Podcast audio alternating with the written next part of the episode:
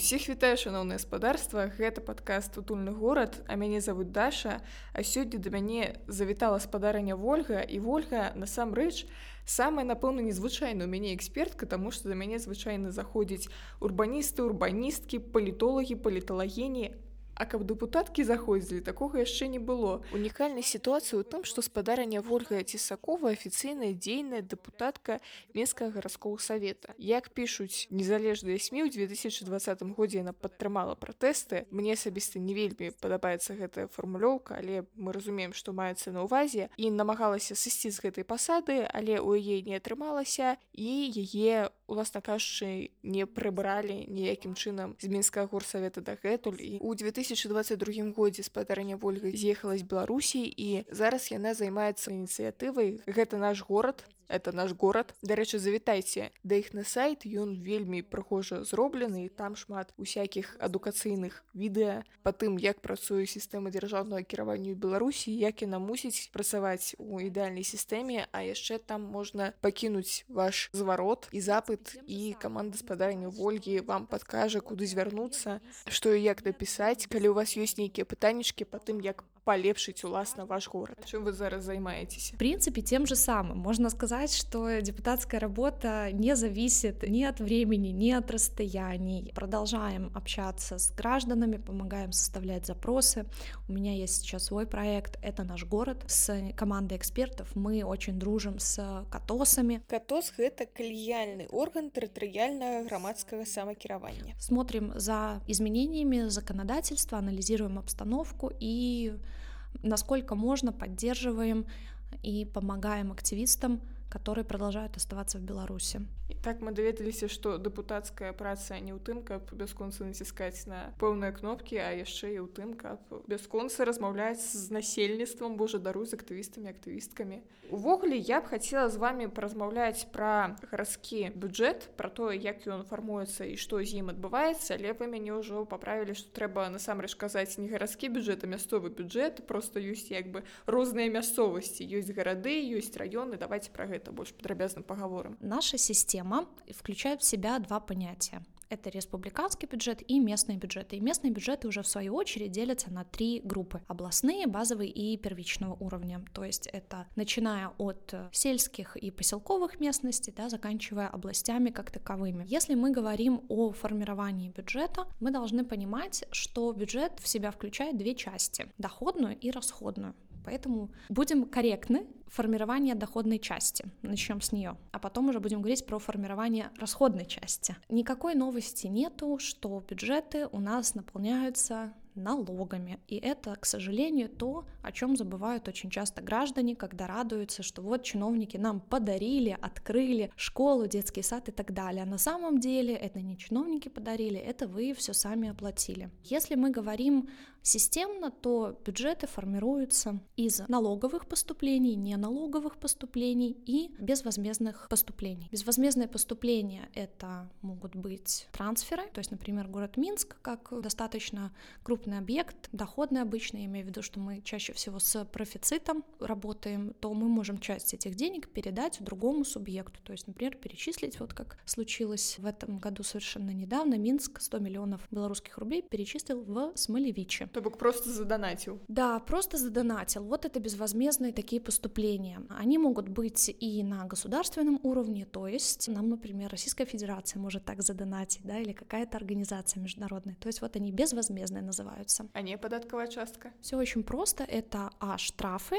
Б — прибыль за пользованием имуществом, которое находится в собственности государства. То есть, опять-таки, это косвенный налог, я бы это так назвала. И налоговая — это самая большая часть. Конечно, это подоходный налог, это налог на домовленную стоимость, НДС, это налог на прибыль. И идет распределение, как понять, что идет в республиканский, что идет в местные бюджеты. Значит, в республиканский идет, понятно, прибыль от государственных организаций, НДС чуть больше 75%. И все, что касается отца. акцизы, лотереи, транспортные налоги, таможенные пошлины, доходы от рекламы. То есть все вот эта часть идет в республиканский бюджет. Местные формируются в основном на местах, то есть конкретно люди, проживающие условно в городе Минске, да, формируют бюджет города Минска. Давайте возьмем город Гродно, ён мне неяк бліжэй. У нас, напрыклад, людзі купляюць пірожаныя ў кавярні раскоша. І значыць і з НДС на гэтую пірожанку фармуецца таксама гродненскі бюджет так атрымліваецца. да, но с ндс очень интересная система. Если объяснять проще весь ндс собирается в общий котел и вот есть фиксированный процент. То есть если мне изменяет память 24,56 процента от всего ндс по стране идет в местные бюджеты. И вот этот вот уже процент распределяется по областям согласно численности. То есть он пропорционально распределяется и каждый год это получаются новые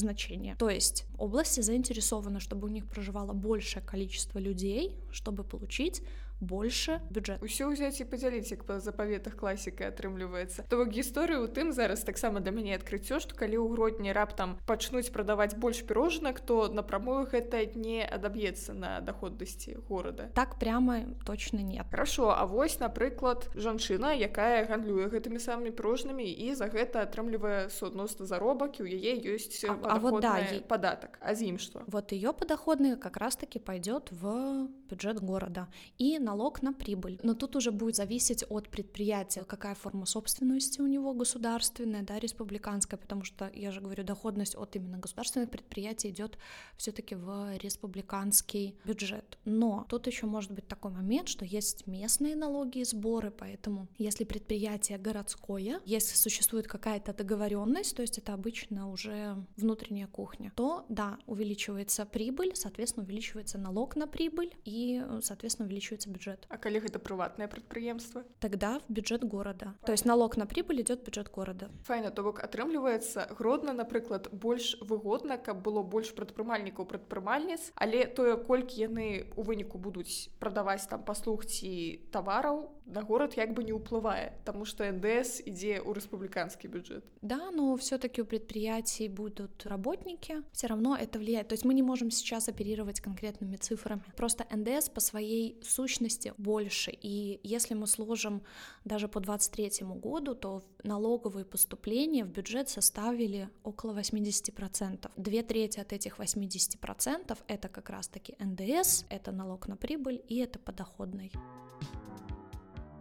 давайте цяпер разбярэмся што вось гэтыя дэпутаты мясцовых саветаў. Увогуле я памятаю са свайго дзяцінства і на працягу ўсяго жыцця заўсёды значыць было гэтае прыходзьце заўтра выбары дэпутатаў мясцовых саветаў. І мы значыць абавязкова ішлі галасаваць бо гэта ж это. Я памятаю як моя бабуля казала гэта ж трэба абавязкова схадзіць гэта ж нікаго-то там гэта наших же абіраем вось калі мы абіраем наших і гэтыя самыя нашыя ці маюць яны нейкае дачыненне да фармавання гэтага самага бюджэта мясцовага Ну вот мы подходим к интересной части про формирование, когда мы должны оговорить это доходная часть, либо расходная. Значит, депутаты на доходную часть могут оказать влияние только будучи трудоустроенными, да, и внося, скажем, свой посильный вклад вот с подоходного налога. То есть технически доходная часть формируется без депутатского корпуса.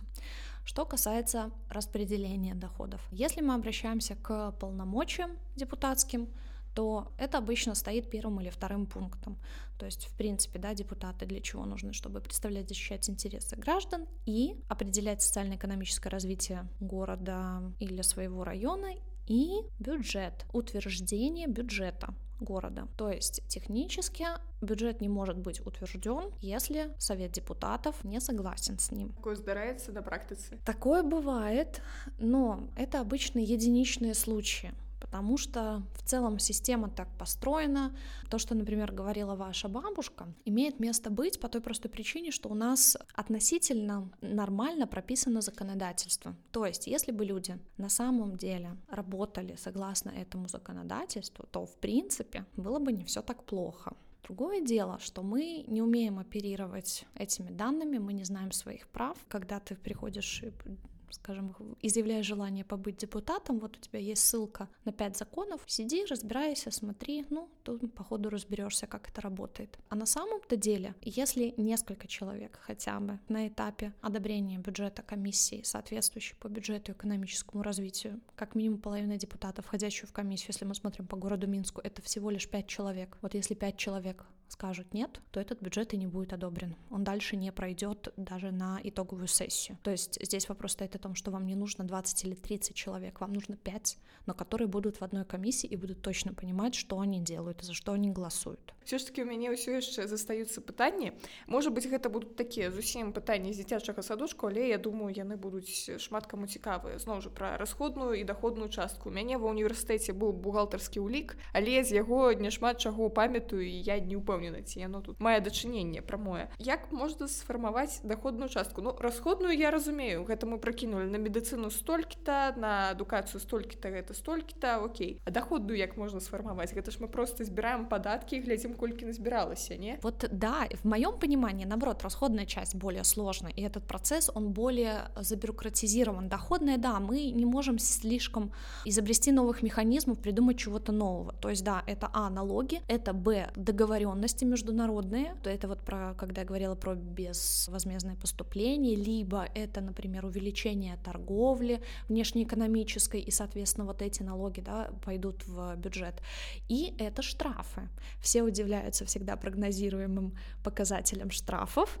но вот это Я как раз таки та часть, где можно увеличить напрямую бюджет. А гэта вось тая самая гісторыя, чаму спадары супрацоўнікі і супрацоўніцы, хаця мне падаецца там пераважна супрацоўнікі дзяржаўтаінспекцыі напрыканцы квартала выходзіць на паляванне. Да, именно с этим связано, потому что есть показатели разбитые, то есть на год, и, соответственно, поквартально так проще отслеживать поквартально или в конце месяца каждое управление имеет свои как в пятилетку установили показатели, их нужно выполнить. Вот, а перевыполнить будет еще лучше, может даже на премию получится. Премия это заўсёды файна, але вяртаемся до бюджету. Ну вось мы сфармавалі доходную частку, расходная частка. Хто вырашае, які кавалак ад усяго гэтага пераха зараз пойдзе на тое, на гэтае, на пятое, на десятое, якія ўвогуле там ёсць катэгорыі. Я так сабе уяўляю, што ну напэўна там ахова здароўя якая-небудзь адукацыя ці можа я памыляюсь вообще это очень долгий процесс и он начинается, естественно, с республиканского уровня. То есть у нас, в принципе, все бюджетные отношения регулируются бюджетным кодексом,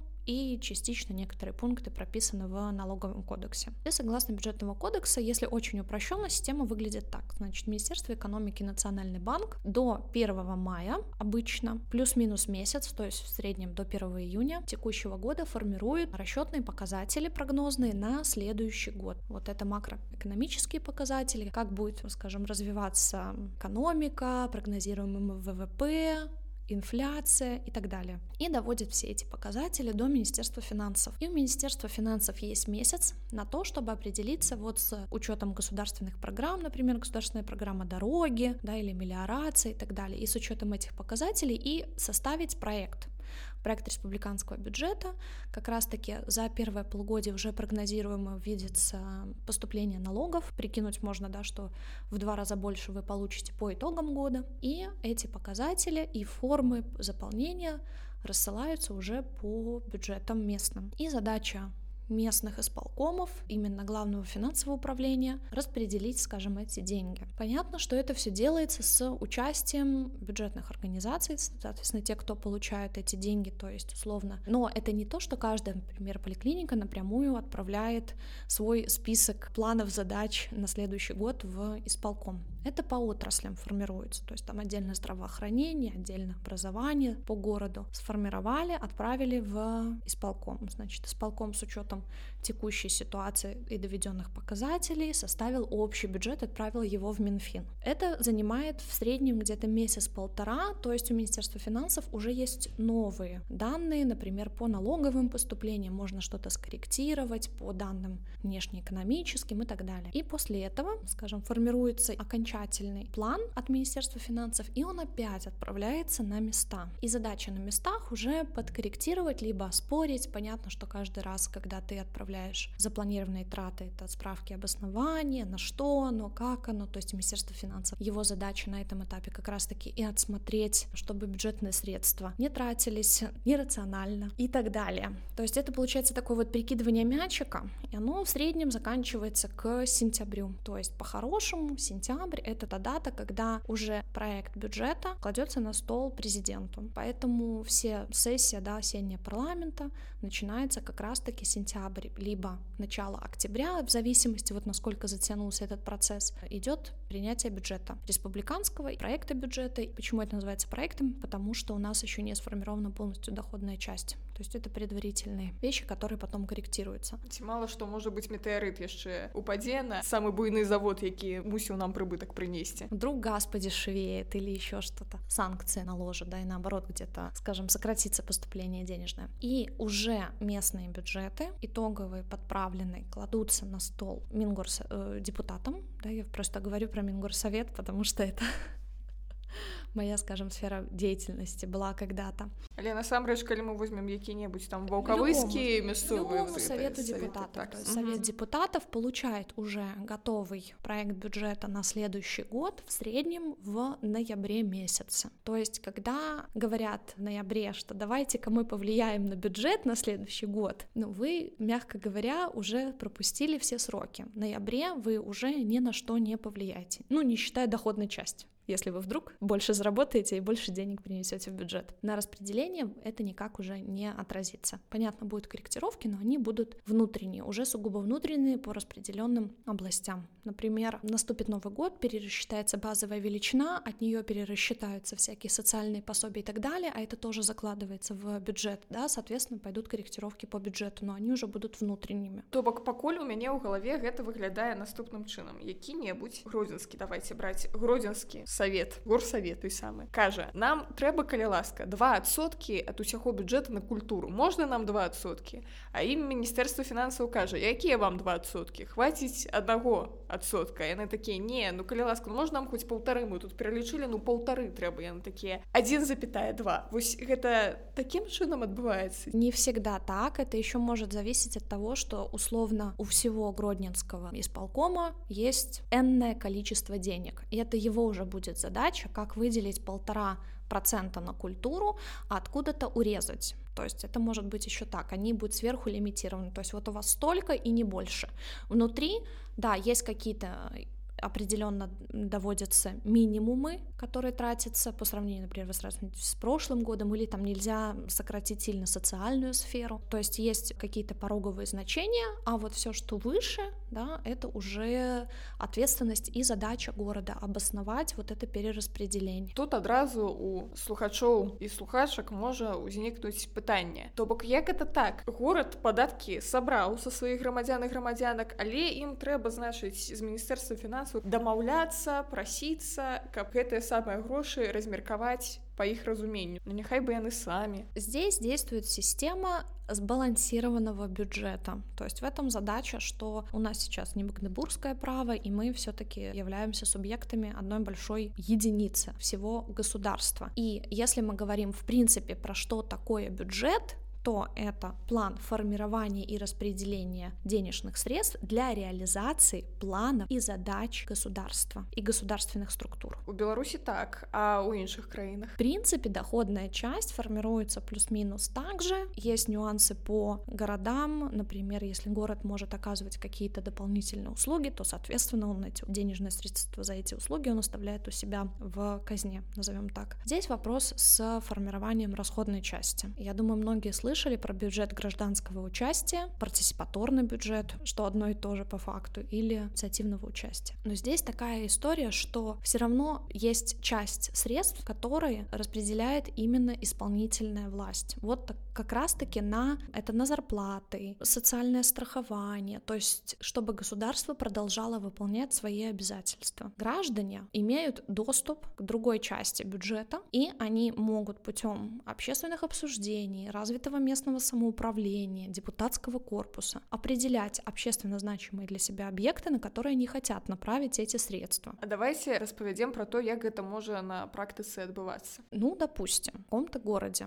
стоит вопрос. Гродно. Да, в каком-то городе Гродно, в определенном районе стоит вопрос построить дополнительно поликлинику или школу. Денег есть на что-то одно. И тогда граждане должны лоббировать эти вопросы, писать обращения депутатам. Депутаты устраивают общественные обсуждения на местах. Можно дойти даже до местного референдума, где выносится вопрос, какой объект будет профинансирован в ближайший год. Или-или. И уже путем большинства выбирается и финансируется. Але для гэтага гараджане і гараджанкі яны мусяць прынамсі даведацца пра тое, што такое пытанне ўвогуле ўзнікла. Таму што ведаеце, у нас так шмат сваіх праблем, так шмат штодзённа трэба вырашаць. Напрыклад, у маім родным мястэчку было б вельмі файна, на маю думку пабудаваць другую школу. Але не тое, каб гэтая думка значыць са мной жыла 24 на 7. Я такая трэба яшчэ адна школа, што мне для гэтага як прыкласці намаганне, каб у мяне запыталі трэба яшчэ адна школа такая ну, трэба канешне вось просіцца стаіць. Але так каб значыць ісці і самой ініцыятыўна штосьці рабіць, ну я б не стану мяне ёсць прабачце свае пытанні і школу я ўжо скончыла. Атрымліваецца, што то як вы сказалі у лістападзе ўжо пазнавата штосьці там казаць пра фармаванне бюджэту трэба было ў травені ці ў чэрвені, але гэта нават на ўзроўню інфа на год. Ты пра гэта не даведаешся, калі рэгулярна не глядзіш якія-небудзь аналітычныя праграмы Сергея Чалага ці каго-небудзь там яшчэ хто распавядае пра цэнтрабанкі пра тое, што там адбываецца фармаванне бюджэту. Ну то бок вельмі вельмі нішавая такая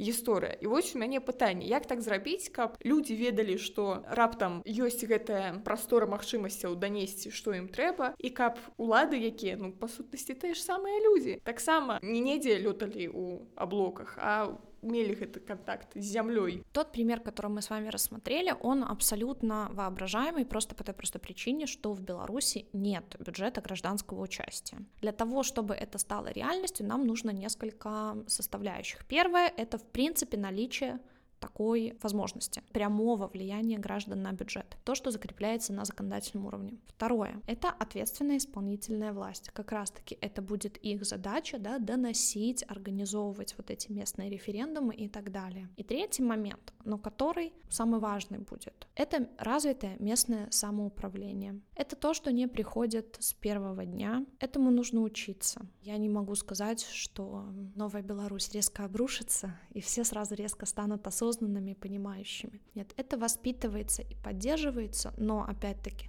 при участии в том числе и пособничестве исполнительной власти. То, что я говорила, что у нас задумка хорошее исполнение хромает, задача исполкомов как раз-таки исполнять наказы граждан, которые передаются через Совет депутатов. У нас это все вывернут, когда Совет депутатов, такой наемный директор, и подписывает решение исполкома, как бы говоря, что да, граждане это одобряют. Поэтому, если мы перевернем ситуацию и сделаем так, как оно хотя бы написано, даже там с учетом измененного законодательства, это уже будет большой шаг навстречу демократии и развитию местного самоуправления как такового. Вот когда у граждан действительно будет возможность собираться и не попадать под закон об участии массовых мероприятий, общаться со своим депутатом, когда депутат будет понимать, что он несет невоображаемую вот эту вот ответственность, а то, что он заинтересован в том, чтобы граждане за него проголосовали дальше, чтобы он действительно продвигал интересы своего района, и когда он это может делать, а не когда ему стучат по шапке за любой шаг влево, шаг вправо, вот тогда ситуация начнет меняться. То есть я верю, что это все возможно, и для этого не нужно много чего. Нам нужно только адекватное руководство на местах, в том числе, которые будут понимать, что партиципатурный бюджет как таковой — это про прозрачность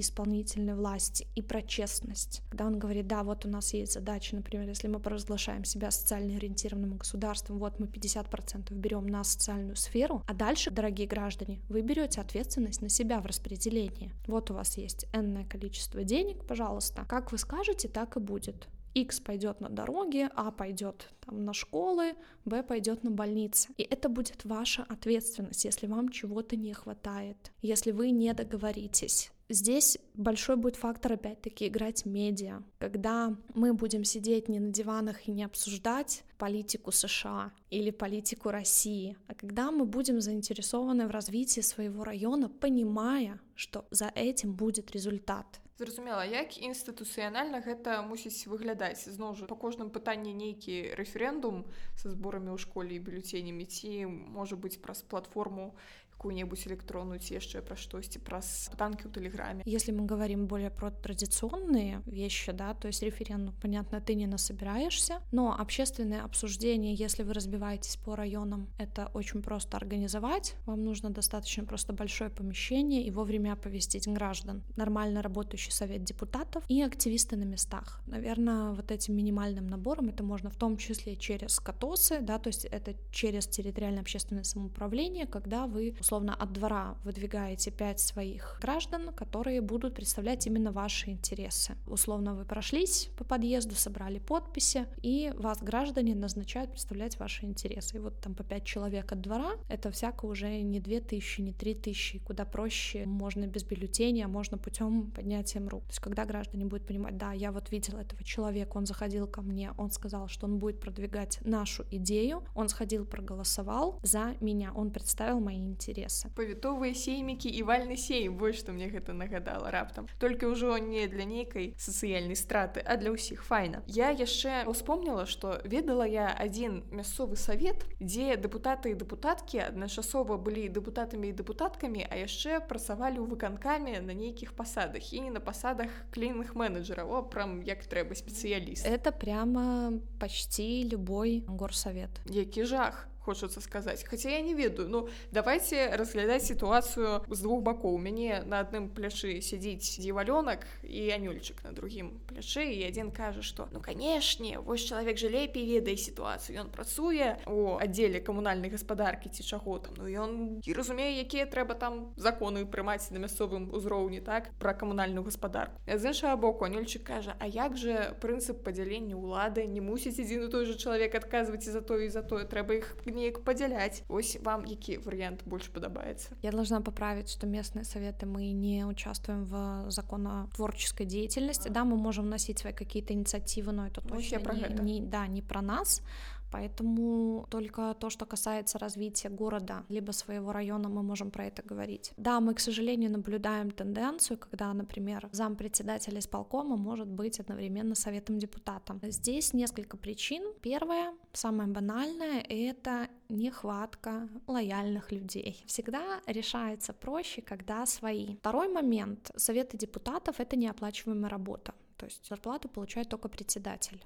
Все остальные депутаты — это как общественная деятельность, скажем, такая социальная нагрузка. Так вот, и в какой-то момент это стало формой поощрения лояльных государственных служащих. То есть передовики, директора школ, поликлиник, водоканал, Зеленстрой и так далее. То есть, если вы посмотрите состав депутатов, в основном это люди, занимающие серьезные позиции. И это, в моем понимании, такая форма поощрения как бы дает доступ до равных скажем так, тебе по статусу людей. То есть ты уже не просто директор коммунального предприятия, ты депутат, и ты рукопожатный с остальными значимыми людьми своего города. Поэтому был определенный интерес как раз-таки в поощрении вот своих, то есть по факту людей, тех же самых бюджетников. И 18 год вот оказался лишь подтверждением опасений власти, что стоит только туда пустить каких-то предпринимателей и студентов, не зависящих от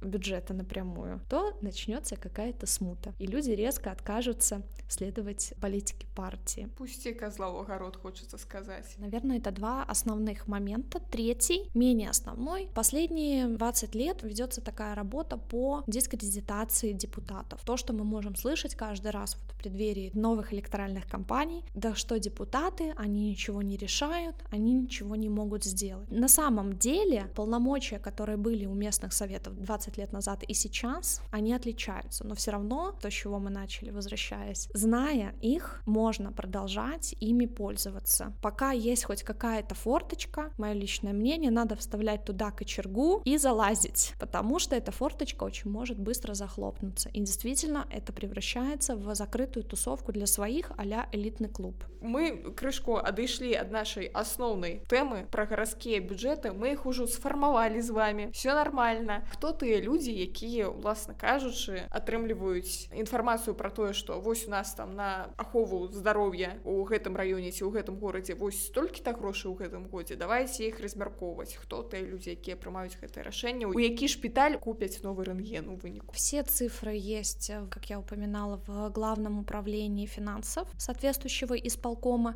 и он их уже доводит до распорядителей бюджетных средств. То есть это до соответствующих управлений, которые курируют работу бюджетного сектора, там, здравоохранение, образование, МВД, МЧС и так далее. И в рамках уже одной отрасли, скажем, главное управление, например, по здравоохранению да, или образованию, уже формирует, собирает заявки от каждой школы специально. И его задача определить важность, то есть они берут на себя эту ответственность, понимая, у кого-то там совсем беда, да, где-то там условно в какой-то больнице больнице не хватает рентгена, а кому-то окна поменять, да, и выстраивается вот эта первоочередность, плюс формируются же тоже показатели, туда же входят и зарплаты, надбавки, то есть это достаточно большая работа, но она на самом деле делается, если мы смотрим по общим срокам, не так уж долго, то есть всего лишь несколько месяцев, потому что в большинстве своем это постоянная работа, то есть каждый раз, когда что-то происходит, подается заявка, потому что есть и резервное финансирование, финансирование, то есть резервные фонды на, скажем, случаи, которые нельзя предусмотреть. Также, как я говорила, можно действовать внутри какой-то программы, перераспределяя средства. Например, инвестиционная программа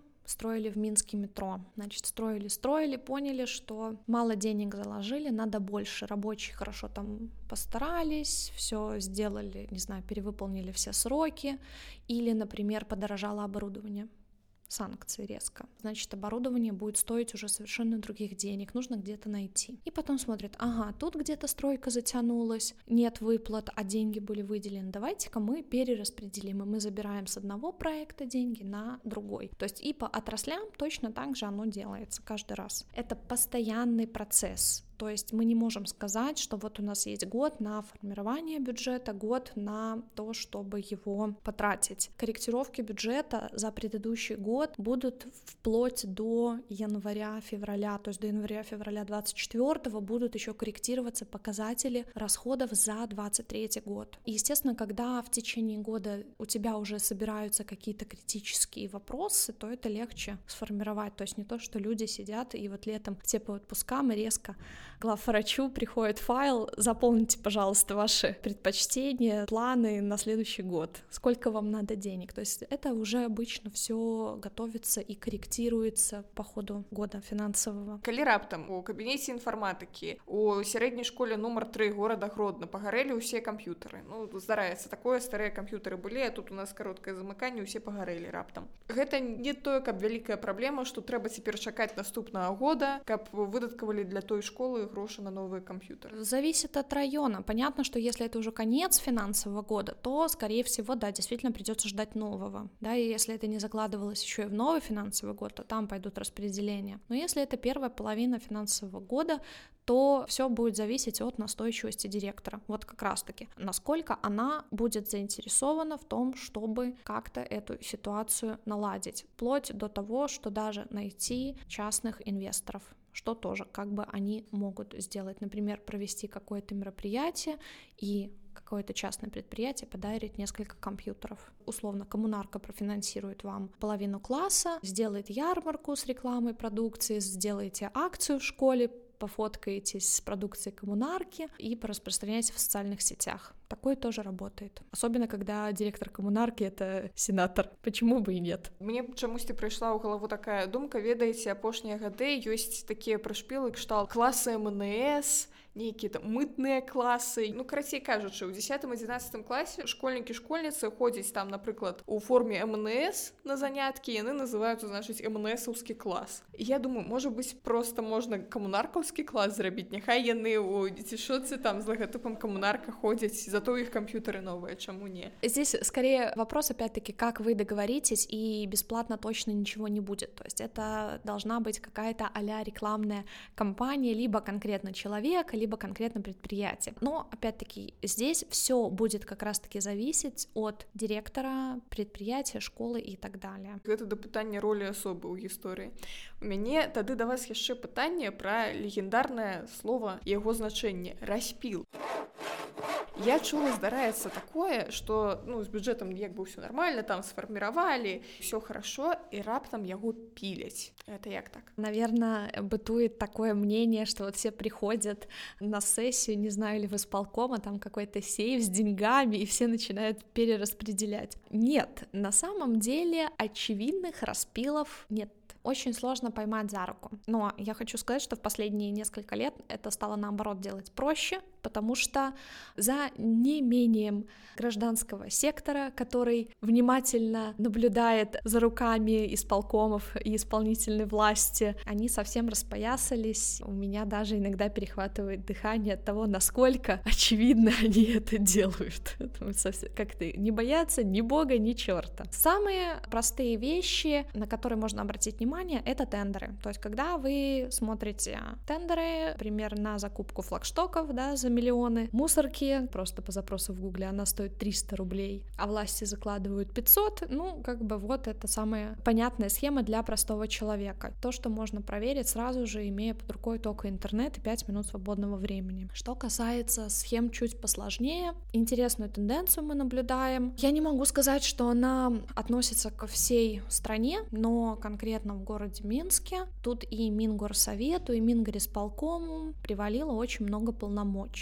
Вдруг неожиданно в 21 и в 22 году. И тут, конечно, надо не 5 минут, а 10 минут времени, но тоже, в принципе, с Гуглом можно справиться и понять схему. Вот был проведен такой ну, замечательный закон, когда Мингорисполкому разрешили назначать генподрядчиков, минуя процедуру тендеров. Кажется, что-то сложное, непонятное. Если мы забиваем в Google генподрядчик, подрядчик, то есть это человек, это организация, да, которые могут нанять субподрядчика, да, кого-то, кто сделает за него эту работу условно, вы приходите к дяде Васе и говорите, дядя Вася, я тебе дам 15 условных единиц за то, что ты мне поставишь сарай. Дядя Вася такой сказал, окей, хорошо, поставлю. А потом вспоминает, что у него есть друг, дядя Петя, который поставит сарай за 10. Он дает ему 10 этих условных наших величин, приходит к нанимателю, говорит, смотри, я поставил сарай, поставил. Значит, 10 отдает за работу, 5 оставляет себе. Вот что такое генподрядчик. И если раньше это была процедура тендеров, то сейчас Мингрисполком может просто своим решением назначать таких людей, вот точнее такие организации. А какие у них договоренности между собой, это уже большой вопрос. И сколько денег оседает, то есть условно. Проводилась история под тем лозунгом, что вот иногда предприниматели, если это частные организации, любят нажиться на людях, государственные деньги, бла-бла-бла. Поэтому что они делают? Они назначают генподрядчиком государственную организацию, государственная организация может найти частника, который это сделает дешевле. Взятки гладкие, как говорится говорится. Вот такие вот схемы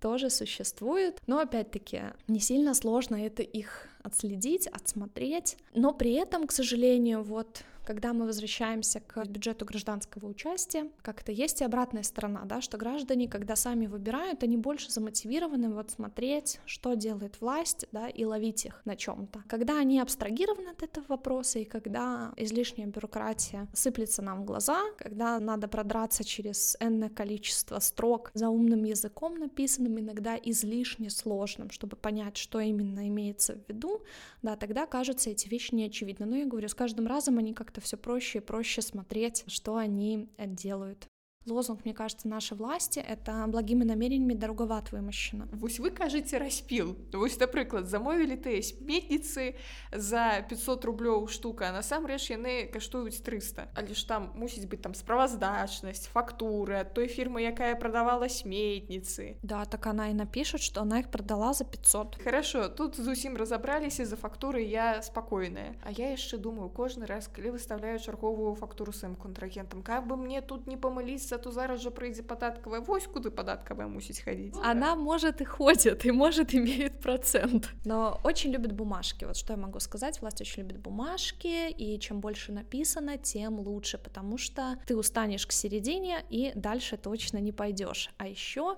если мы говорим про цифровизацию, это вообще моя боль о том, что бюджет депутаты получают в Word, таблица в Word, то есть если ты хочешь, действительно, чтобы у тебя хотя бы сошелся дебет с кредитом, тебе нужно самостоятельно перевести таблицу в Excel и потом уже смотреть. Я уже молчу про форматирование, что это не получается с первого раза, там всякие размеры ячеек подправлять, плюс они печатаются не цифры через пробелы с запятыми. В общем, все для людей. То есть, с одной стороны, схемы какие-то простые, но с другой стороны, да, нужно приложить какие-то усилия, а мы все приходим с работы, уставшие, и меньше всего у вас есть желание сидеть и на калькуляторе подсчитывать, сколько денег было, сколько стало, и откуда какие цифры нарисовались. То есть вроде было 3 миллиона израсходовано, да, проходит месяц, оказалось, что 16 было израсходовано. Такой думаешь, интересно. Ели. Тады у мяне да вас яшчэ пытанне як на ваш погляд можете у двух словах что трэба зрабіць з беларускай увогуле ўсей гэтай сістэмай кіравання і самакіравання каб яна пачала нормально функцыянаваць надо чтобы они вернулись к своим изначальным функциям. То есть, когда представительный орган власти будет представлять интересы граждан, а исполнительный орган будет исполнять пожелания граждан, вот тогда, наверное, у нас все будет хорошо. Но это не точно. Не люблю заканчивать на грустной ноте, хочется добавить немножко оптимизма. Мы говорили про то, что граждане сейчас не могут влиять на распределение бюджета и так далее. На самом деле есть небольшая лазейка. Она тоже непростая. Бюджет у нас входит инвестиционная программа.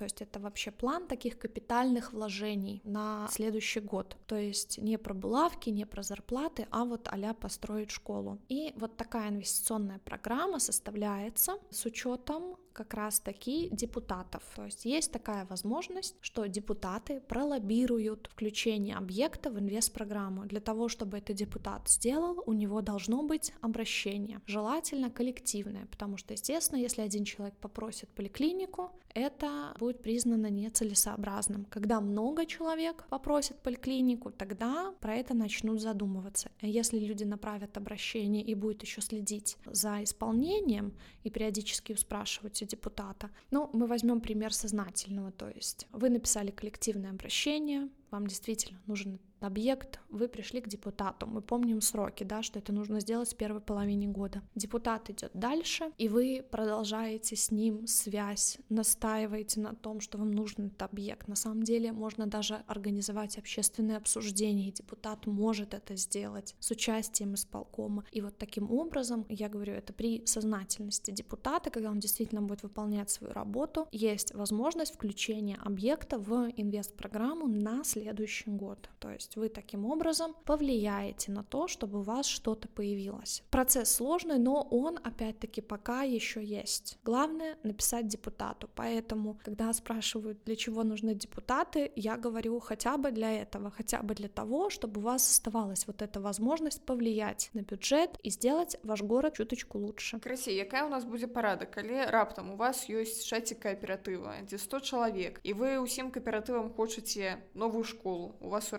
районе, то варто написать... Написать местному депутату с просьбой включить объект в инвест-программу. Но это будет уже новому составу депутатов после единого дня голосования, то есть с марта следующего года. Ну что могу сказать? Тады чакаем сакавік наступного года. Пакуль чакаем, ставим лайки, зорочки, все остатние приемные знаки, подписываемся на гэты подкаст «Подарня Вольга». На что треба подписаться так само? Есть чат-бот обратной связи. Это наш город. Вот на сайте, правда, если в Беларуси вы, то надо использовать VPN, потому что на меня обиделся горсовет вот за то, что я рассказывала про схемы распила. Да, заблокировали, то мы еще не экстремисты. Поэтому пишите, буду рада помочь. Отвечаем всем обычно в течение суток.